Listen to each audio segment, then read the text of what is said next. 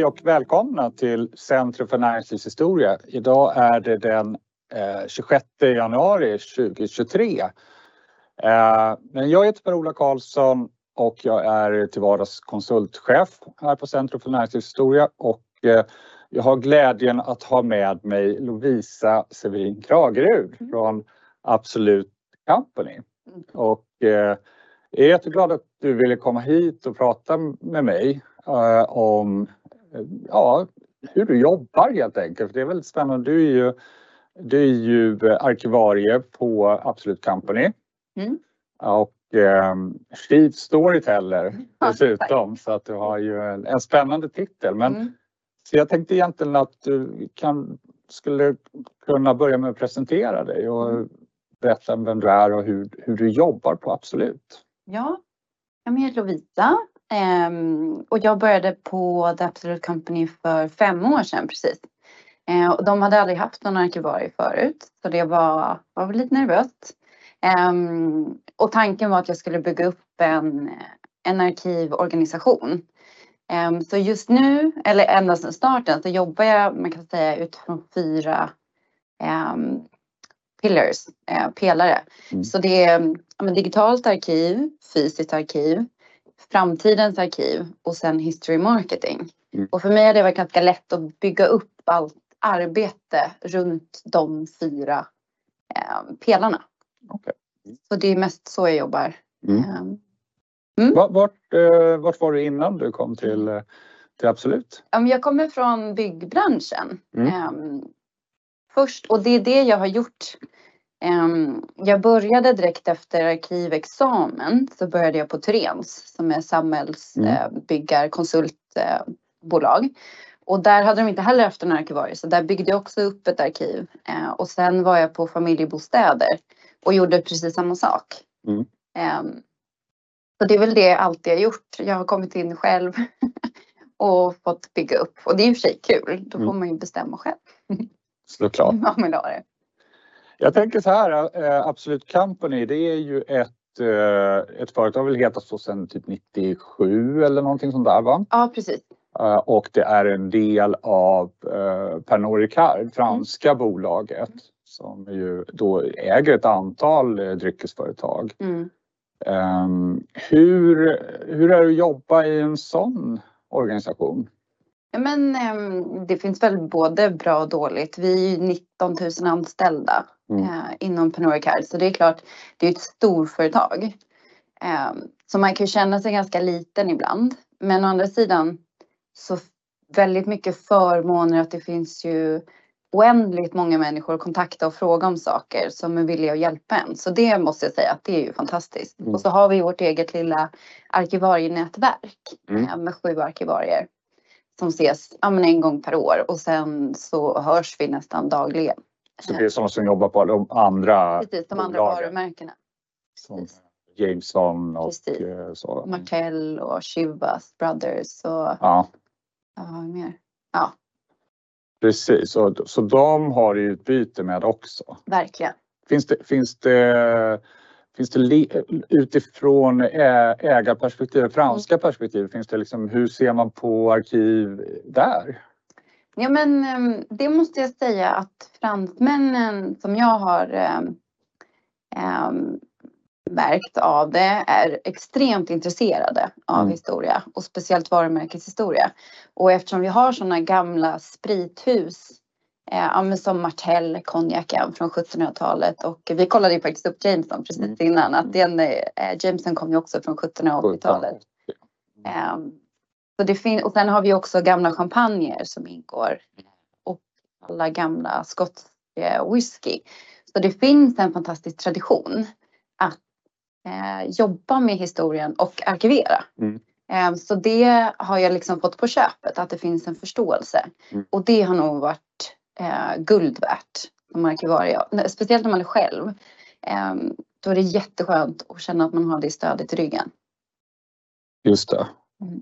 Eh, eh, bara innan vi fortsätter sen att prata om hur ni liksom gör kring digital arkivering och webbplatsarkivering. Jag tänkte, hur ser egentligen en vanlig arbetsvecka ut för dig? Eh, jag sitter såhär och blir intervjuad.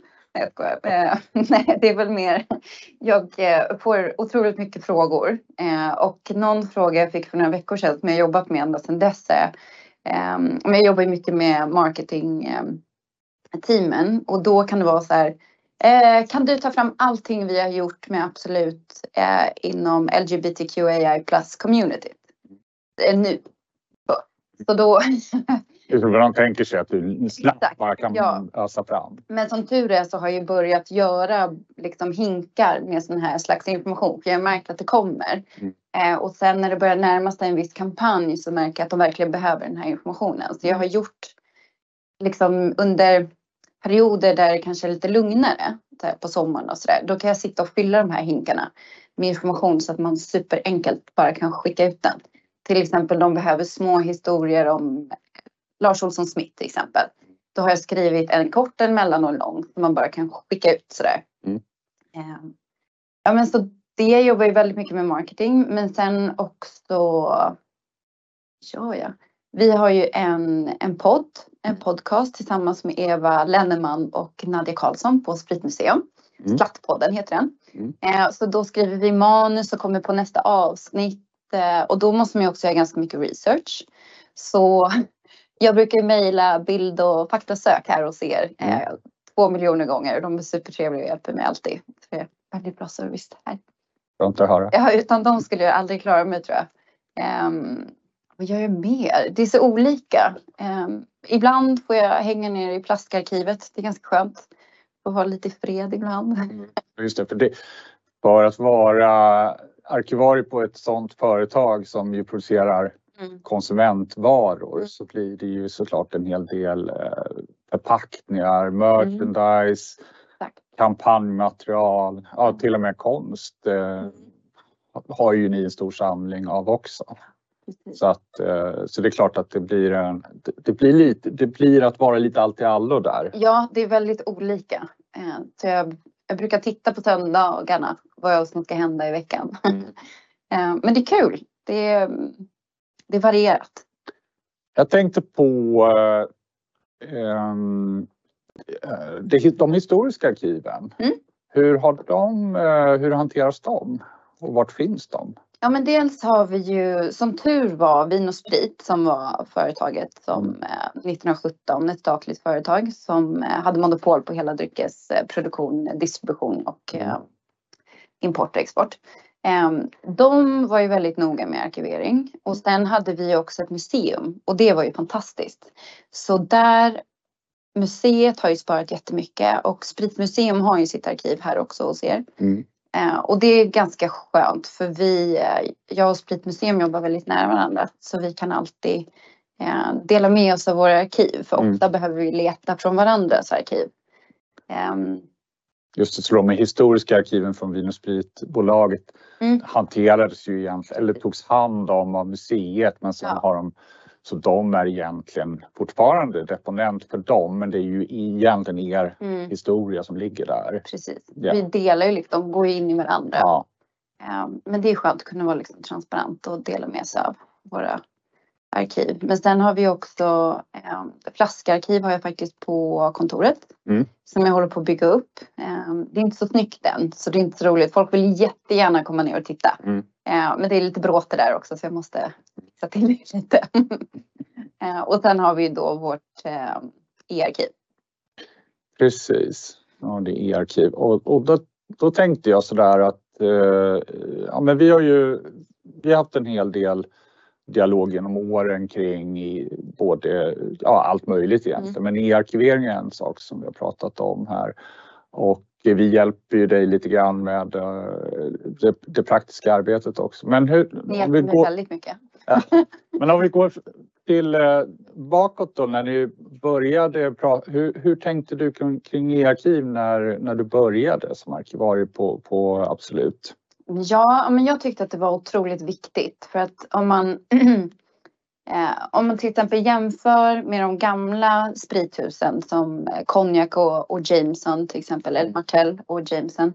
De har fantastiska fysiska arkiv som jag inte kan mäta mig med. Eh, så då, det handlar ju om vart man vill lägga resurser och, eh, och tid och pengar på helt enkelt. Och Mm. då så såg jag ett behov också att ha ett digitalt arkiv. Mm.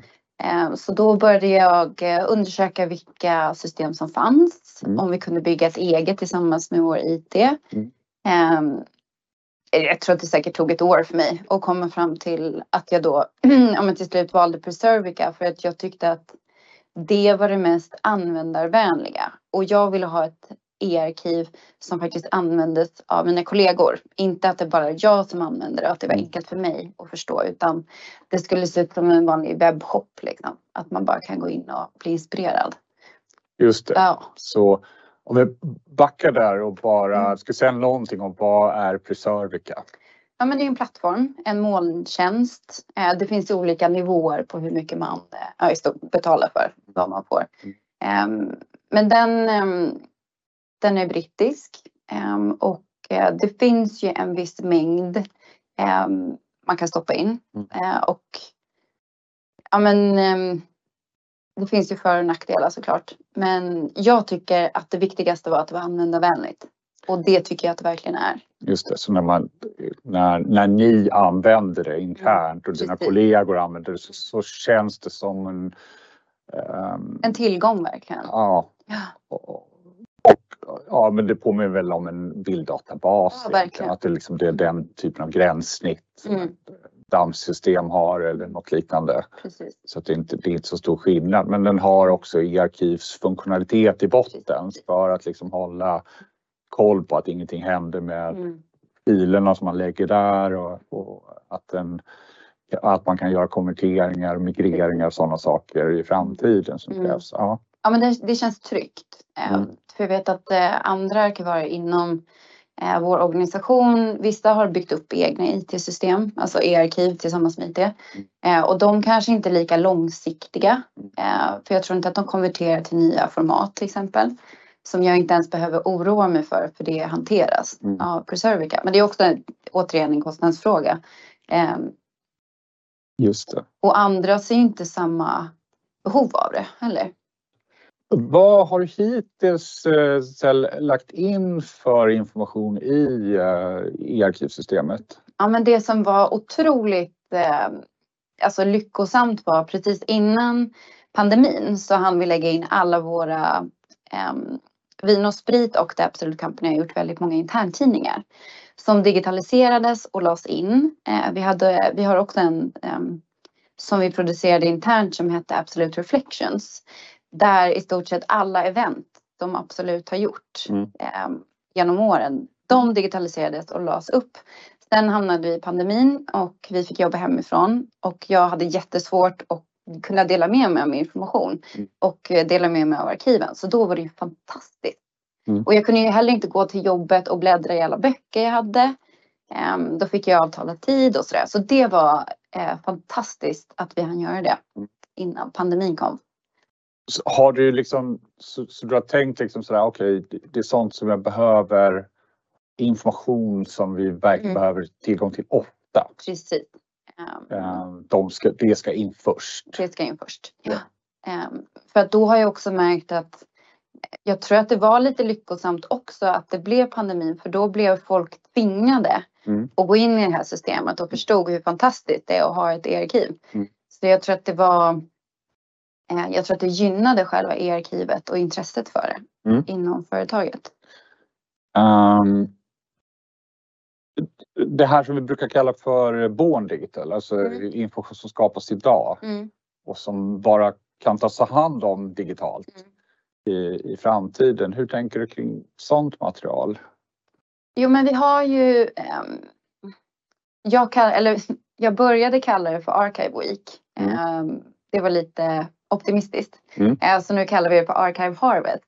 Mm. Så jag jobbar hela hösten fast det brukar fortsätta hela året. Där jag samlar in de största projekten som speciellt mark, eh, marknadsavdelningen har gjort. Mm. Ehm, och då samlar jag in det största så att man får kontexten kring en kampanj till exempel och hur kampanjen såg ut. Mm. Och det är tanken att det också ska sparas i eh, digitala arkivet. Vi har ju egna system för det Mm. inom Pernod Ricard. Mm. Ehm, men de själva de finns inte kvar där så länge. Det är kanske är två, tre år och sen försvinner den informationen. Precis, Ingen aning om det här ska vara aktuell information Precis. egentligen. Ja, och då um, jag ser det systemet som ett mellanarkiv nästan.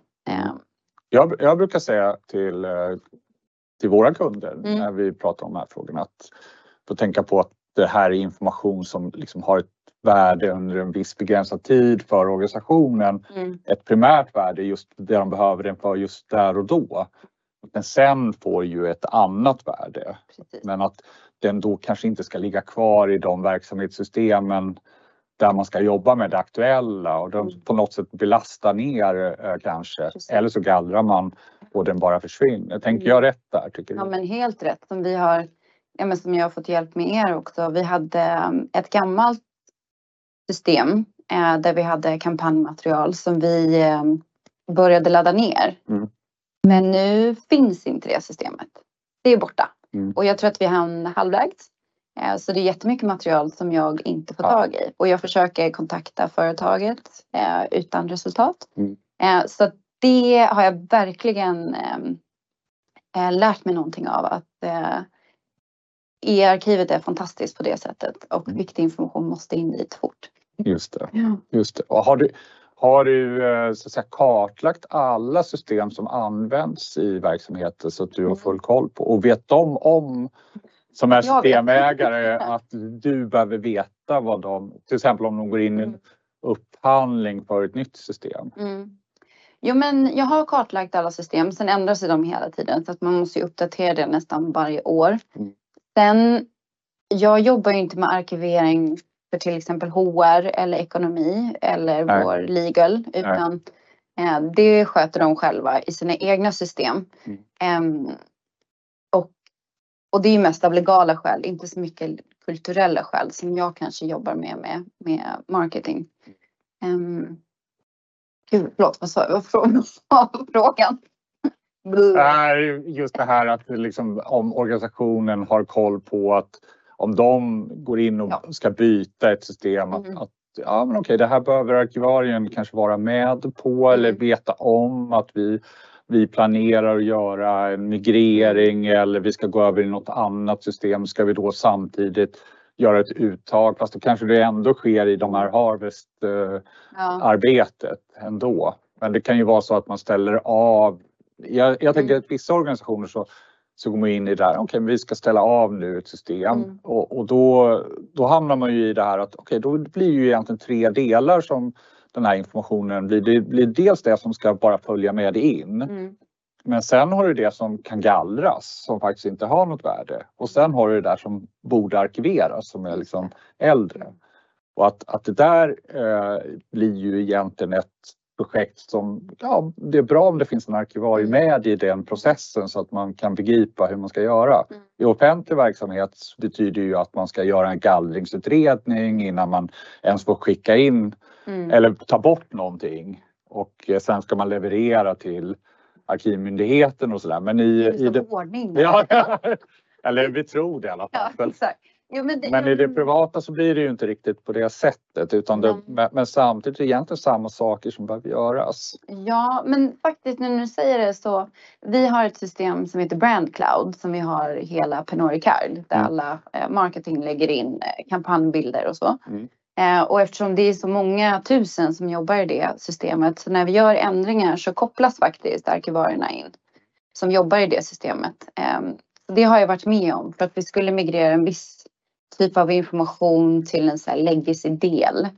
Eh, och då fick jag vara med och göra det. Så jag tror, jag vet ju inte om vilka system jag inte har varit med och höra. Men jo, men jag tror att det mesta mm. eh, blir informerat. Så där har vi ju också lite nytta av att det är en större koncern. Verkligen. flera ja. kan jobba tillsammans på de frågorna. Det är ju, det är ju faktiskt väldigt mm. bra. Um, och att när jag gör stora förändringar så görs det ganska grundligt eftersom det är så många som drabbas av förändringarna mm. i företaget. Mm. Så det brukar inte bara vara sådär hipp som happ. Nej precis. Uh, ja, men det där är intressant mm. att höra. Um, tyck, jag tänker så här, hur, hur uh, för vilka får det här materialet som du lägger i arkivet? Om vi börjar där mm. med arkivmaterialet, för vilka ska det tillgängliggöras? Vilka kommer att ha åtkomst till det? Ja men um, internt främst. Men sen kan jag också ge inlogg till till exempel byråer som vi jobbar med. Mm. Eh, För de behöver ju ofta komma åt samma material för att bli lite inspirerade och se vad vi har gjort tidigare. Mm. Sen har vi pratat om att göra en del av e-arkivet eh, öppet. Mm. eh, För alla användare som vill komma in och se. Vi har inte kommit dit än eh, och det är ganska mycket jobb eh, och hur man ska avgränsa vad folk ska få se och inte se. Men det finns en möjlighet att göra det Mm. Eh, och det är roligt att veta om att det finns möjligheten. Men vi är inte där än. Så det är internt och ja, men byråer, externa som vi jobbar med. Det är de som kommer åt. Ja. Ö- Övrigt eh, material som är eh, övrigt arkivmaterial så finns en del fysiskt också Mm.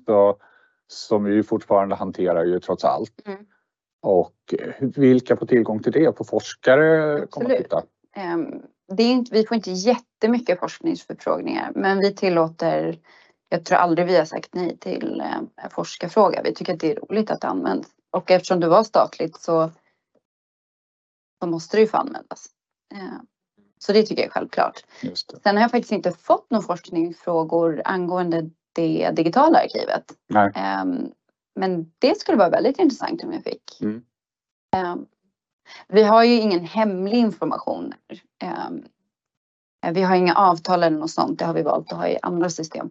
Så det skulle ju kunna absolut gå. Just det.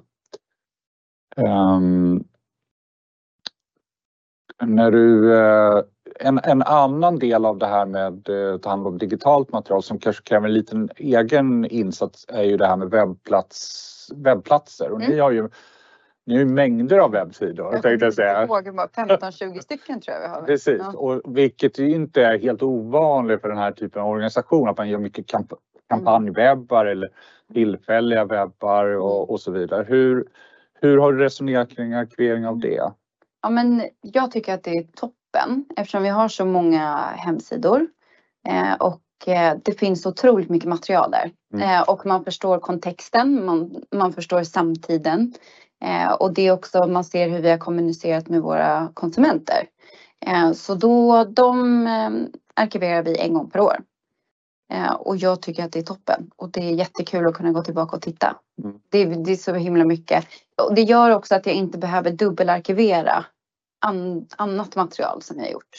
Utan det är väldigt, det visar väldigt mycket vad, vad vi har gjort som företag under hela det året. Mm. Och det finns ju alltid sökfunktioner i våra hemsidor. Så det är ganska enkelt för en användare att söka i det också. Men det är ju ett komplement. Så att vi har ju ehm, vi har ju en plan för annat arkivmaterial som ska in varje år också. Mm. Men jag tycker att det är ett fantastiskt komplement. Precis, det, det är så pass viktig Ja, eh, plats för Mm. kommunikation där, Ja. där man ändå samlar nästan allting som är Ja, ganska relevant trots allt. precis. Eh, och sen är det väl då, som jag ser det i alla fall, en, det, är en relativt, det är väl det enklaste sättet att arkivera digitalt material på.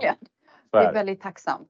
Så det, Ja. Man får in ganska mycket på ganska kort tid. För Nej. en utmaning med annat digitalt material är just det här att ja, du berättade för mig tidigare att eh, ibland så kan det vara kollegor som kommer med liksom, oordnat material och så lämnar man bara över till arkivarien. Och samtidigt så får man då en, eh, ja det kommer ta tid att gå igenom, Mm. städa upp åt någon annan Precis. egentligen. Och svårt också, det tycker jag är det svåraste. Jag måste ha de andra med mig för att bedöma materialet. Mm. För som arkivarie, jag har inte alls samma ögon som en marketeer har till exempel. De, vi måste samarbeta där så att de väljer ut, vi kallar det för Hero Project. Mm. Eh, de största projekten, det som är mest relevant. Man kan ju inte spara allting heller. Mm. Men då om de bara skickar över allt material tillsammans med arbetsmaterial, det blir jättejobbigt för mig för jag har ingen aning om vilket som var den slutliga. Mm. Eh, och så är det bara förkortningar på alla filnamn och sådär. Så det Just det, precis. Eh, och det där är nog många som, eh, som brottas med just Mm. det där hur, hur man ska få till det. Hur ska vi välja ut? Vad, vad ska vi ta? Men då har ni liksom tänkt igenom det här. En del, en del företag väljer ju, de ger ju interna priser på sina kampanjer. Eller de liksom ger, Mm. Och då tänker de så här, okej vi tar, tar det som vi har bedömt. Då har man ju gjort en sorts bedömning att det här tyckte vi var bäst under året och sådär. Ehm, men, men det kan ju, särskilt om man, om man producerar väldigt mycket reklam och väldigt mycket marknadsföring så kanske det är svårt att tänka att jag måste behålla allt. Nej, det går ju inte till slut. Det blir, det blir så himla svårt att ta sig igenom om man ska söka. Sökbarhet är också viktigt. Mm. Eh, ja, men det tycker jag nog är det svåraste med att vara arkivarie. Välja vad som ska sparas. Mm. Det är lite jobbigt. Man känner pressen. Precis. Jo, det, det, det, det är inte alltid Nej. en enkel process att göra faktiskt. Så är det ju. Eh, Men, men där får du, får du stöd i organisationen. Förstår organisationen din roll? Ja, men det tycker jag. Eh, sen, eh, ja, men som jag sa, jag var tvungen att gå, gå över från Archive Week till Archive Harvest för det var helt omöjligt att få in Mm. allt material på en vecka. Så nu har jag märkt att jag ja, men det är lite så här, mm, man måste vara lite lyhörd på organisationen och vad som händer eh, och hur stressade folk är Mm. eh, och inte mejla under en kampanjlansering till exempel utan och sen vissa måste man mejla 15 gånger för att få in material medan andra skickar direkt. Och vissa skickar till mig material när en kampanj är klar. Så skickar de det direkt till mig. Mm. Eh, Det beror ju lite på vilken relation man har. Det är ganska mycket personlig eh, relation som kommer in där. Och ju bättre relation jag har till dem, desto enklare blir det. Mm. Då kan de inte säga nej. Precis, det blir en... eh, Man, man, behöver, man behöver påminna om de här Verkligen. frågorna och man Ja. behöver samtidigt erbjuda ett, ett, stöd Mm. och kanske inte, jobbar inte med hårda krav och Alltså de får en lista på vad jag vill ha. Eh, men sen säger jag också att, och den, den är väldigt eh, övergripande. Mm. Eh, och sen ber jag dem att välja ut själva Mm. vilka liksom, hero project som de tycker är viktiga. Mm. Så det är ganska enkelt för dem. De har ju allting Mm. redan. Så de behöver ju egentligen bara dela informationen med mig. Så gör ju jag resten. Precis. Och det här är ju fördel om man gör eh, kartläggningar. Om man Ja. gör, kartlägger vad det är för information man egentligen skapar och hur och vart den skapas. Att man kan ta stöd i det där sen så det blir lite enklare att okej, det här ska vi nu leverera till arkivet. Mm. Det här är det vi vill ha kvar. Mm. Eh, men det måste ju också göras liksom. Ja, och jag tycker att ändå jag har bra stöd för det måste också varit under pandemin så skrev jag en arkivpolicy Mm. eh, som vi gick upp eh, till vdn och presenterade. Och så att det är förankrat högt uppifrån. Så, och jag tror att det är alltid viktigt eh, inom mark, alltså, som arkivarie. Man behöver stöd uppifrån annars är det ingen som lyssnar. Nej. Eh, så det är jätteskönt. Mm.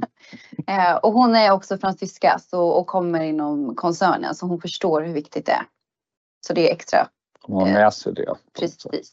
Jag har också noterat att det är många av de här eh, liksom, dryckesföretagen överlag som så att har den här traditionen Mm. med arkiv och eh, sin historia. Man värderar den högt Mm. och Verkligen. verkligen tar hand om det.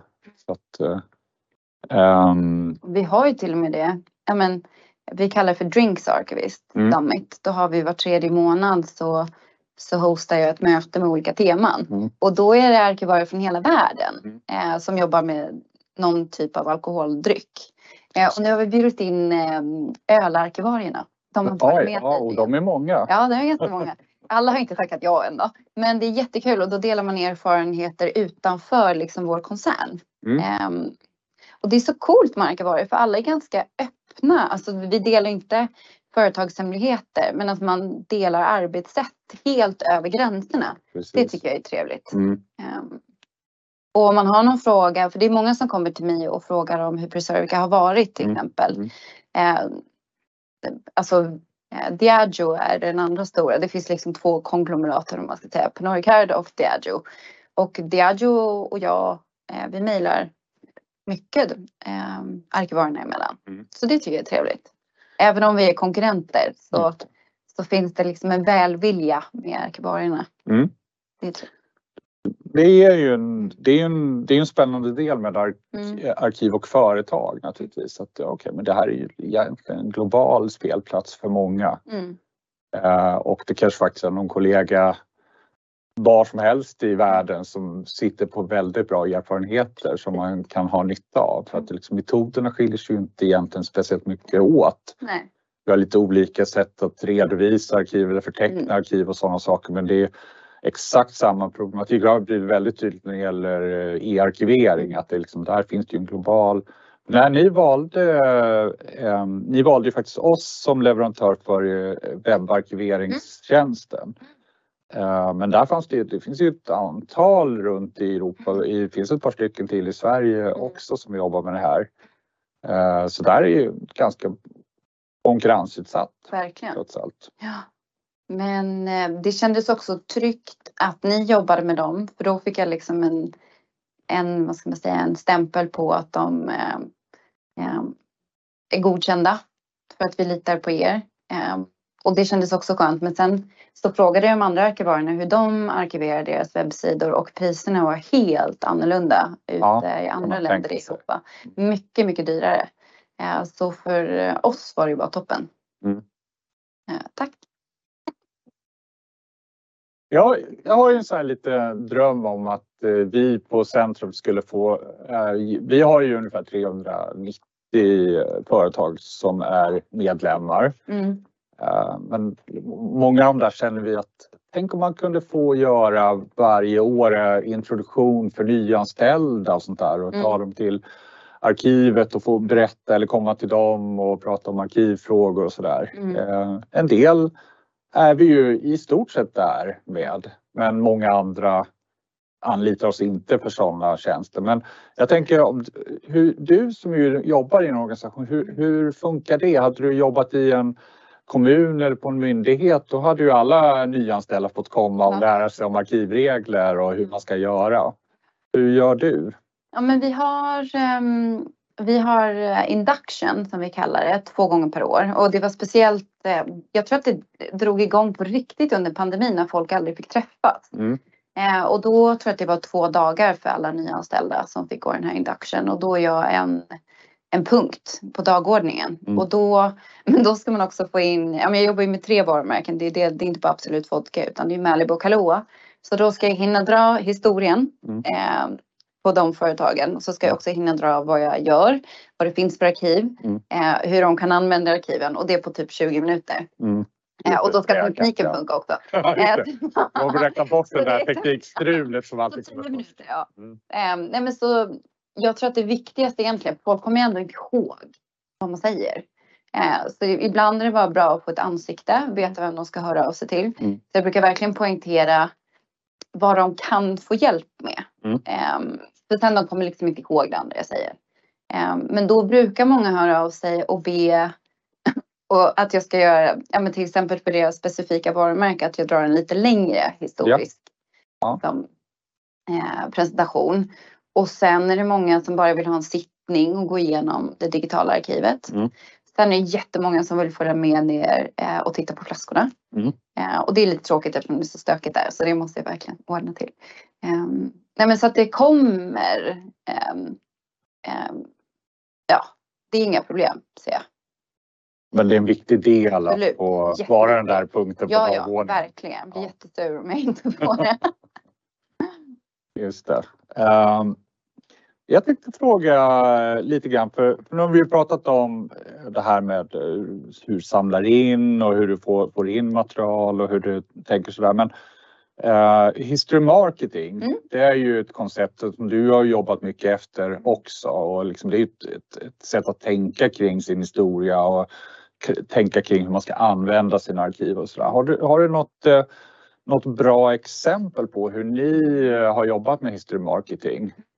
Ja men ehm, vi har gjort jättemycket. Jättekul. Vi gjorde Absolute Trivia till exempel på våra sociala medier, eh, medier eh, för just Absolut Vodka. Då tog jag fram innehåll för då ville de ha ehm, det var ett quiz varje tisdag Mm. där de la upp frågor om ja, speciellt Absoluts historia men också om Lars Olsson Smith.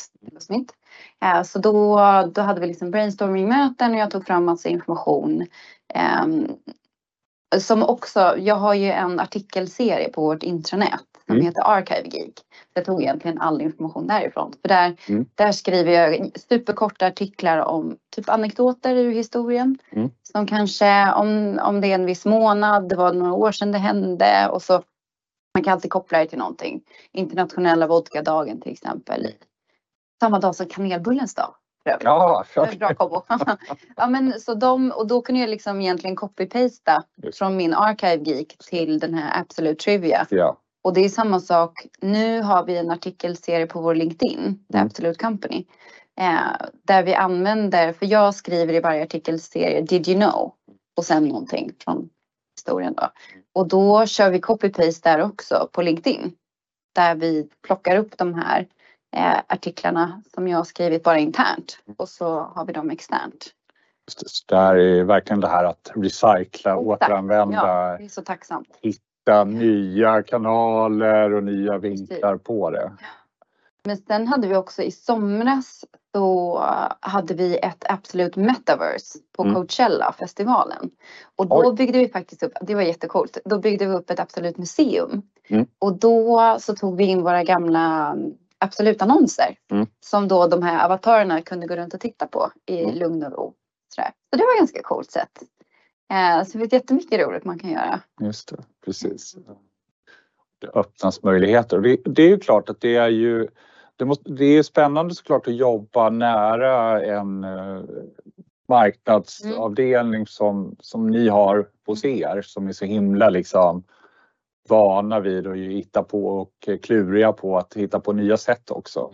Och då är det ju spännande att liksom kunna bidra med den här typen av, eh, jag menar, alla vill ju ha content. Precis. Men kan man hitta fördjupningar och kan man hitta exempel i det historiska så har- då, Mm. fin- finns det en gräns för hur mycket historia man kan prata om? Nej. Nej. Det tror inte jag. Nej men det kommer ju alltid upp nya. Vi hade ju också en, em, det glömde jag säga, vi har ju också en eh, fashion-samling, Mm. alltså fashion-arkiv. Mm. Och den hade vi en utställning på Spritmuseum förra året. Em, fashion Cocktail hette den. Mm. Och den går ju nu också på vandring. Um, gud, vad heter det? Traveling show. Så nu kommer den öppna i Kristianstad på deras regionmuseum. Mm. Em, och då kan man ju också använda Ehm, eh, men vi jobbade med jättemånga kända designers. Eh, ehm, lite tillbaka i tiden, Tom Ford och Gucci och Mm. Versace och alla stora. Ehm, och då får man ju också en möjlighet eh, to start a conversation.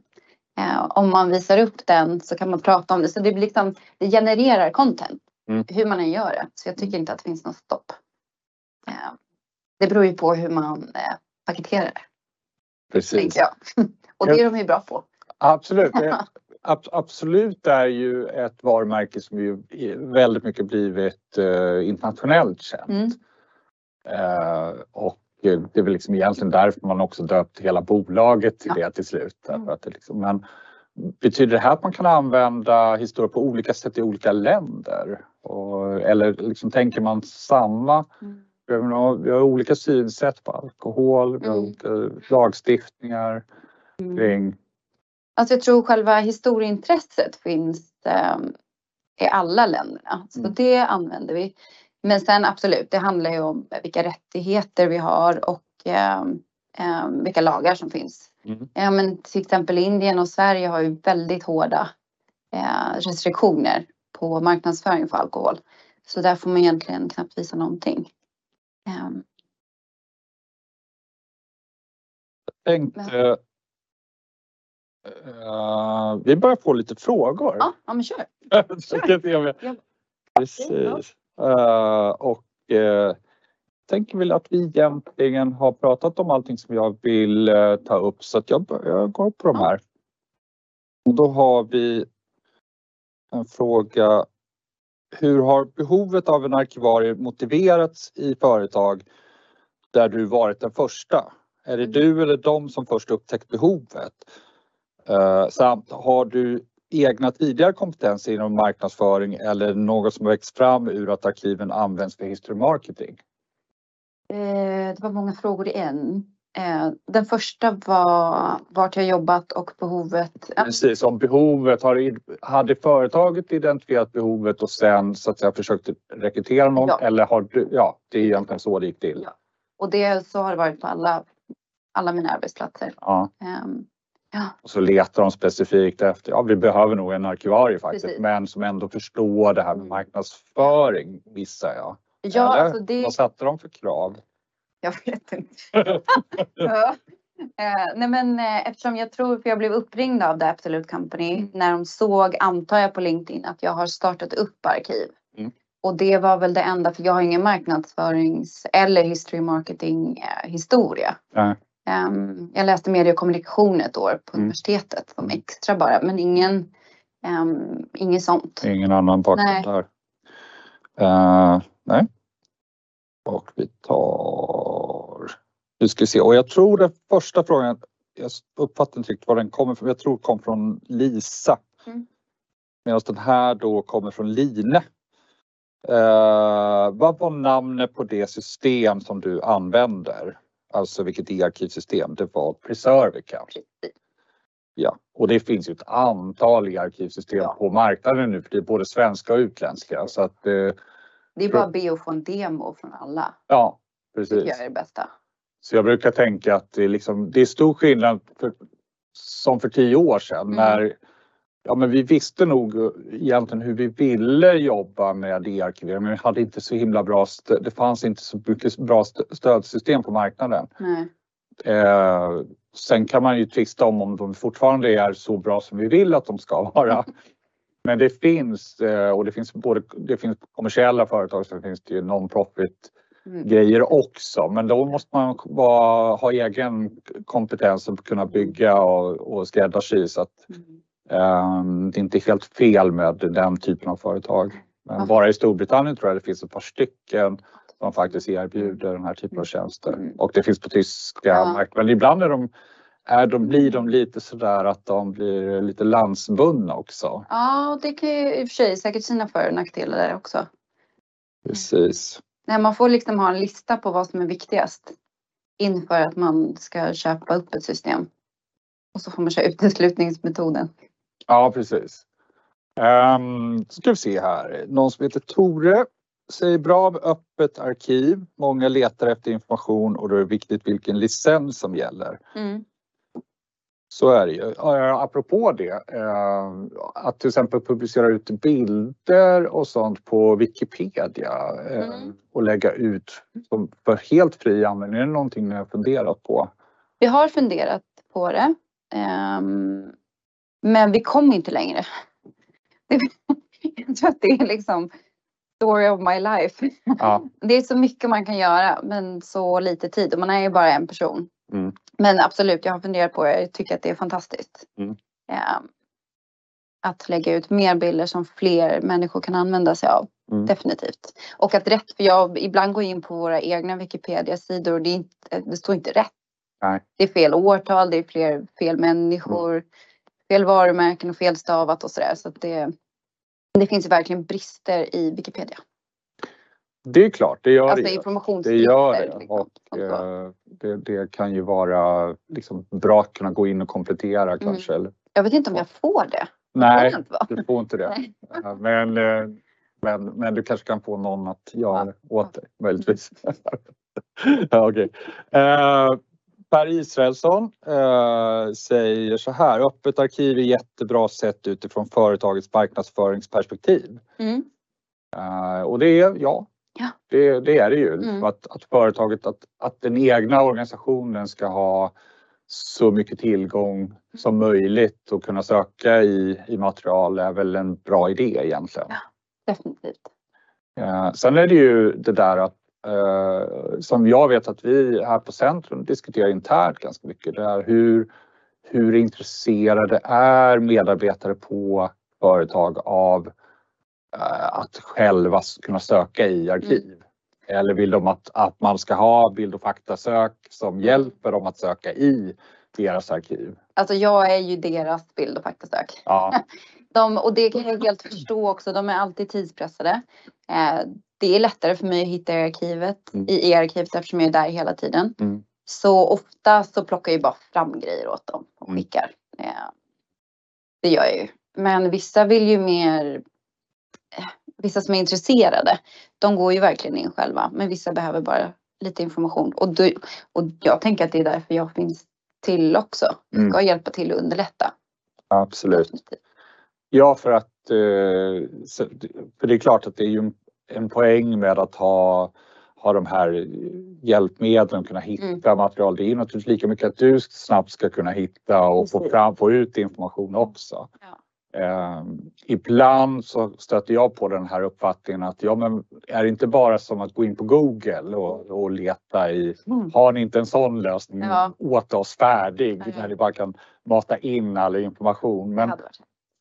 det hade ju Ja. naturligtvis varit härligt. Men jag tror också att det finns en liten poäng ändå i att ja, men bra att man själv kan få in, gå in och titta, inspirera, alltså viss typ av material som eh, marknadsföringsmaterial eller gamla fotografier. Ja, men det känns ju det, det kan man gärna ägna en stund åt att titta på. Ibland så eh, kan det vara liksom relevant att använda i presentationer och sådana saker då naturligtvis. Men mycket material behöver man kanske ändå guidas in i. Ja, Och och, det finns- förstår jag också. Ja. Eh, De kanske inte tycker heller att jag har eh, döpt kategorierna eh, efter vad de tycker är rimligt. Det är också en sån grej att Just det. bara navigera eh, som de behöver hjälp med. Just det. Ehm, då ska vi se. Lars Kalén frågar. Kommer ni på någon drömsatsning som ni gärna skulle vilja göra framöver med materialet? Alltså jag vill ju bygga ett flaskarkiv som folk, eh, eller som vi kan ta in folk i och visa upp. Ja, det är min drömsatsning. Precis, och det skulle man då kunna ha massa visningar på, lite, lite så här exklusivt. Ja. De har det, Diageo har, de kallar det för Liquid Library. Ja. Det är så häftigt. Jag tror att de har 3000 flaskor på Mm. display i ett jätterum. Wow. Och det är så häftigt. Mm. Och det är ändå klimatanpassat. Mm. eh, Och eh, hög säkerhet. Men det är så fint. Och det är så enkelt för folk att gå in och leta då och titta. Ja men just den här flaskan var från det året. Och så här. Det blir ganska enkelt för folk. eh, Eller för medarbetare att se vad man har gjort. Mm. Mm. Och ganska imponerande ja, såklart. Det är det. Det, är- Mm. det är ju, det är, men det är något speciellt med att faktiskt ta hand om eh, förpackningar och produkter. När man, det är ett företag som trots allt tillverkar, ja men då blir det en väldigt viktig del i det man sparar naturligtvis vid sidan av det mer traditionella arkivmaterialet. Och man märker det är en sån stolthet. Mm. När, ja, men när jag visar till exempel, eh, när jag visar upp alla flaskor vi har gjort så digitalt bara. Mm. Folk, alltså nyanställda blir helt förbluffade att vi har gjort så många till exempel limited editions flaskor eller de hade ingen aning om att eh, Absolut Vodka är inspirerat av Absolut Rent Brännvin. Men det är så mycket, det finns så mycket Ja, det att berätta och visa upp. Ehm, anonym frågar. Vad bör man tänka på när man ska göra en plan för arkivering? Eh, om man bör tänka på. Mm. Ja, men jag tycker att man ska ta in fler ögon Mm. eh, och gärna kontakta en annan arkivarie Mm. eh, och göra en plan. Men sen få någon annan att titta på den och se vad man har glömt. Mm, just det. Och att eh, om vi tänker oss att man gör en, eh, till exempel en informationskartläggning Ja, för att börja liksom ta reda på vad som egentligen skapas i organisationen för att sen göra bedömningen. Mm. Hur eh, vi, brukar, vi gör ju sånt. Eh, vi brukar säga att ah, det är bättre att man gör det i en workshop och att Ja, eh, människor som jobbar, som jobbar med information själva får lista den så att vi inte försöker tolka nej. vad det är de säger och vad de gör utan att de själva gör det.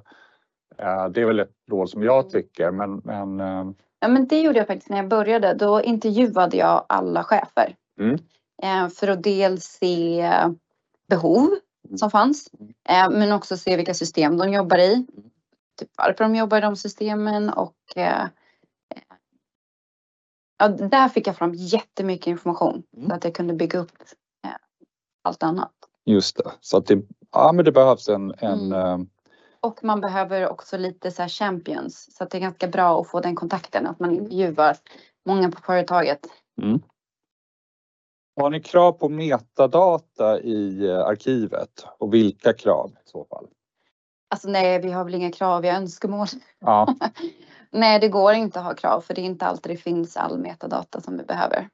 nej precis. Så det är mera, man får ta den metadata som Som man finns. kan få Ja. eller som finns. Men absolut, för det är liksom newborn digital, Ja. där har vi ju krav. Ja, Eh, Men på äldre material med digitaliserat Mm. är inte alls säkert att vi har så mycket metadata. nej precis.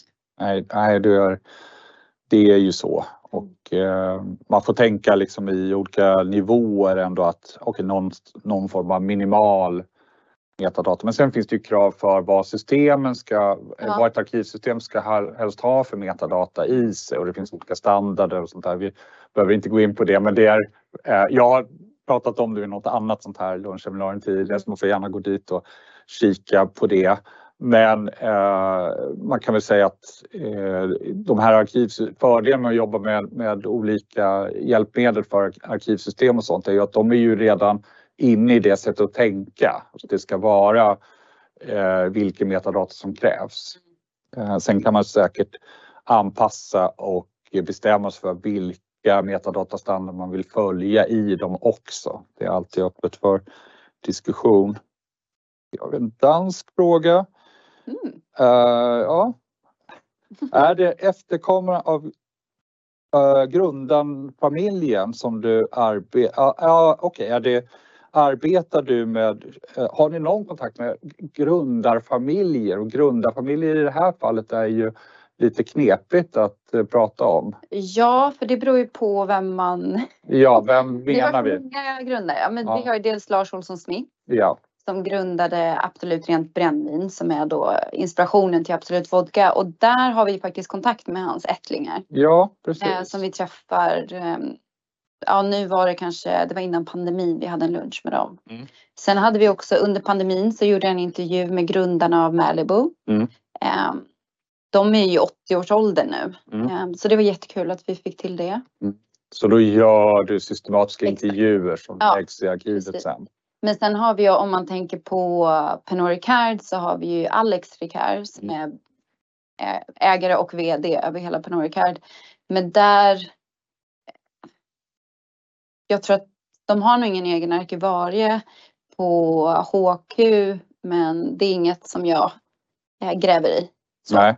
eh, I den ägarfamiljen. Nej, precis. Men, men det, är, det är en intressant fråga därför Mm. att det, eh, att fånga upp eh, grundare eller ättlingar till grundare Mm. både för att, så att säga, tanka ur vad som finns. Det kan ju finnas eh, privat material som man sparat i, inom familjen och vi har många exempel på här bland våra företag. Andra företag där har så att säga fått in från ättlingar och att Mm. man har lämnat material. Det mest berömda är väl eh, brevväxlingen mellan Lars Magnus och Hilda Eriksson som kom via släktingen då, eh, so- som ju sa väldigt mycket sen Mm. om hur de faktiskt jobbade. Så att det, liksom- det kan vara pusselbitar som man kan ha nytta av så småningom. Um, ska se. Har ni formulerat en bevarandeplan och följer den en övergripande arkivplan från Absolut Company? Eh, ja, det har vi, har Ja. vi ju gjort. Men däremot, Jag kallar det lite annorlunda bara. Ja, typ precis. arkivpolicy. precis. Jo men så det har vi. Eh, Ja, och eh, men däremot så följer, fanns det, fanns det någon form av eh, övergripande plan som eh, Pernod Ricard hade som de tyckte att man skulle följa? Nej. Nej. Utan det är upp till varje dotterbolag själva och eh, see what fit. Ja. Så. Ja. Spännande. Eh, då tänker jag att vi har, vi har fått jättebra frågor. Tackar för dem. Och eh, jag tycker att jag har lärt mig jättemycket. Och tackar dig Lovisa för att du tog dig tid att prata med oss. Jätteroligt. Ja. Tack för att jag fick komma. Tack för lunchen. Eh, och eh, ja, vi tackar för oss och eh, som sagt, eh, vi planerar ett antal seminarier. Eh, vi, både kring arkiv, arkivfrågor, history marketing, bokreleaser och författarsamtal, massa spännande som kommer att hända här framöver. Så håll utsikt i våra kanaler så ses vi då. Tack så mycket.